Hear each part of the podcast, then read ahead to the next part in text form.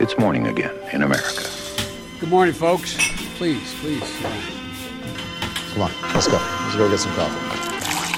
Thank you very much. Det er fredag 27. mars. Rekordmange amerikanere er arbeidsledige. Krisepakken kritiseres, og målkaffen er servert.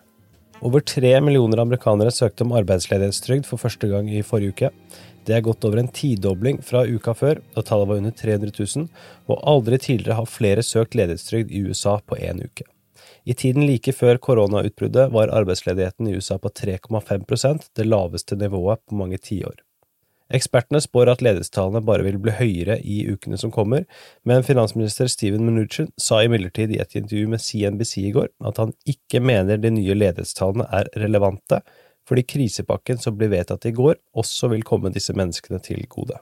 You know, to be honest with you, I, I just think these numbers right now are not relevant, and you know whether they're bigger or smaller in, in the short term.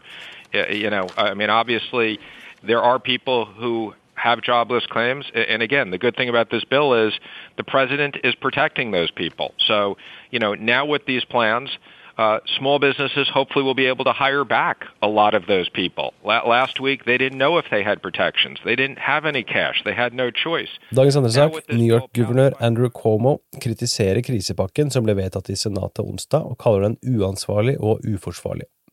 Cuomo sier at fem milliarder dollar, som i pakken er tiltenkt hans delstat, er øremerket kun for utgifter direkte knyttet til bekjempelse av koronaviruset, og derfor ikke gjør noe med det største problemet, slik han ser det, nemlig tapte inntekter i perioden New York nå er inne i. Uh, New York State receives $5 billion from the stimulus, New York State government. And it's earmarked only for COVID virus expenses. Which means it does absolutely nothing for us in terms of lost revenue to the state. The only thing it's doing is helping us on the COVID virus expenses, which is nice, but the bigger problem is on the lost revenues. Speaker of the House Nancy Pelosi, som fylte 80 år i går, lovet i går at krisepakken skal behandles raskt og effektivt i Representantenes hus. Målet skal være å stemme i løpet av dagen i dag, fredag.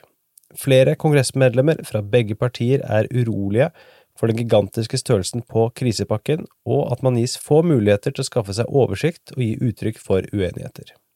Dagens tredje sak, Bernie Sanders er fortsatt med, og han kan henge med i presidentvalgkampen fram til juni dersom han ønsker det, selv om muligheten hans for å vinne over Biden er små.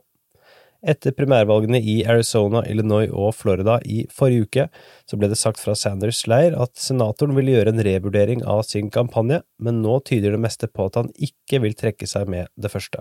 I forbindelse med koronautbruddet så har flere delstater som skulle ha stemt de neste ukene, flyttet sine primærvalg til juni, og selv om Sanders ikke har de helt store mulighetene til å ta igjen Bidens ledelse, så ansetter kampanjen folk i flere delstater og viser ingen tegn til å gi seg. Sanders sa tirsdag at han akter å stille til debatt mot Biden dersom denne avvikles som planlagt, men Biden sier på sin side at han mener det har vært nok debatter, og at det er på tide å komme seg videre.